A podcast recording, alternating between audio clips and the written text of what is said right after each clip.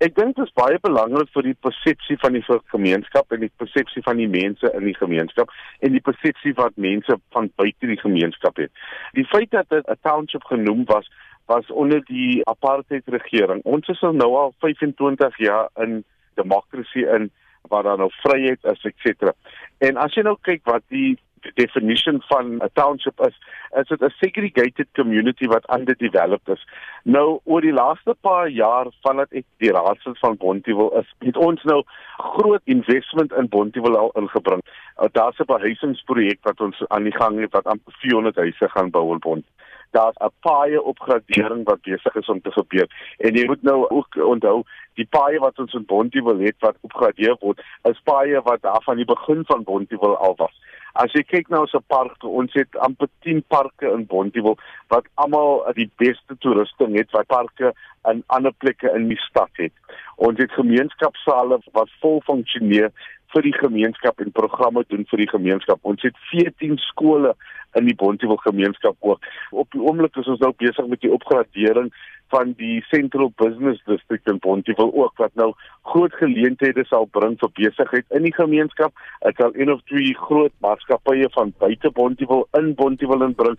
As jy kyk wat ons in die laaste paar jaar gedoen het en jy kyk wat Bontewil het teenoor ander gemeenskappe in die stad, is dit hoogstyd nou dat die gemeenskap self nou aanvaar dat daar nie groot verskil tussen hulle of 'n rondebosch of 'n paddle of 'n table view as jy maar dat hulle ook dieselfde if not more van dieselfde dienste het die die gemeenskap het. En ek dink die mees belangrikste ding in hierdie idee is dat as jy nou kyk laas jaar het Bontewil amper 80 mense verloor aan bende geweld die jaar van tevore was dit ook ek dink 77 mense hierdie jaar tussen Januarie en Junie maand het ons 44 mense verloor. Maar vandat ons die neighborhood safety team in Bontewil ingebring het wat 'n permanente span in Bontewil sal bly, het ons nou net twee mense in die laaste 120 dae verloor. So Bontewil is 'n meer veilige plek. Hy het dieselfde dienslewering wat ander gemeenskappe het en ek dink vir die gemeenskap self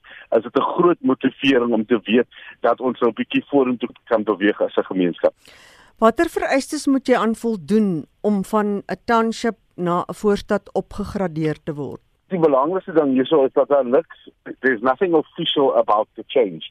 As regtig oor persepsie.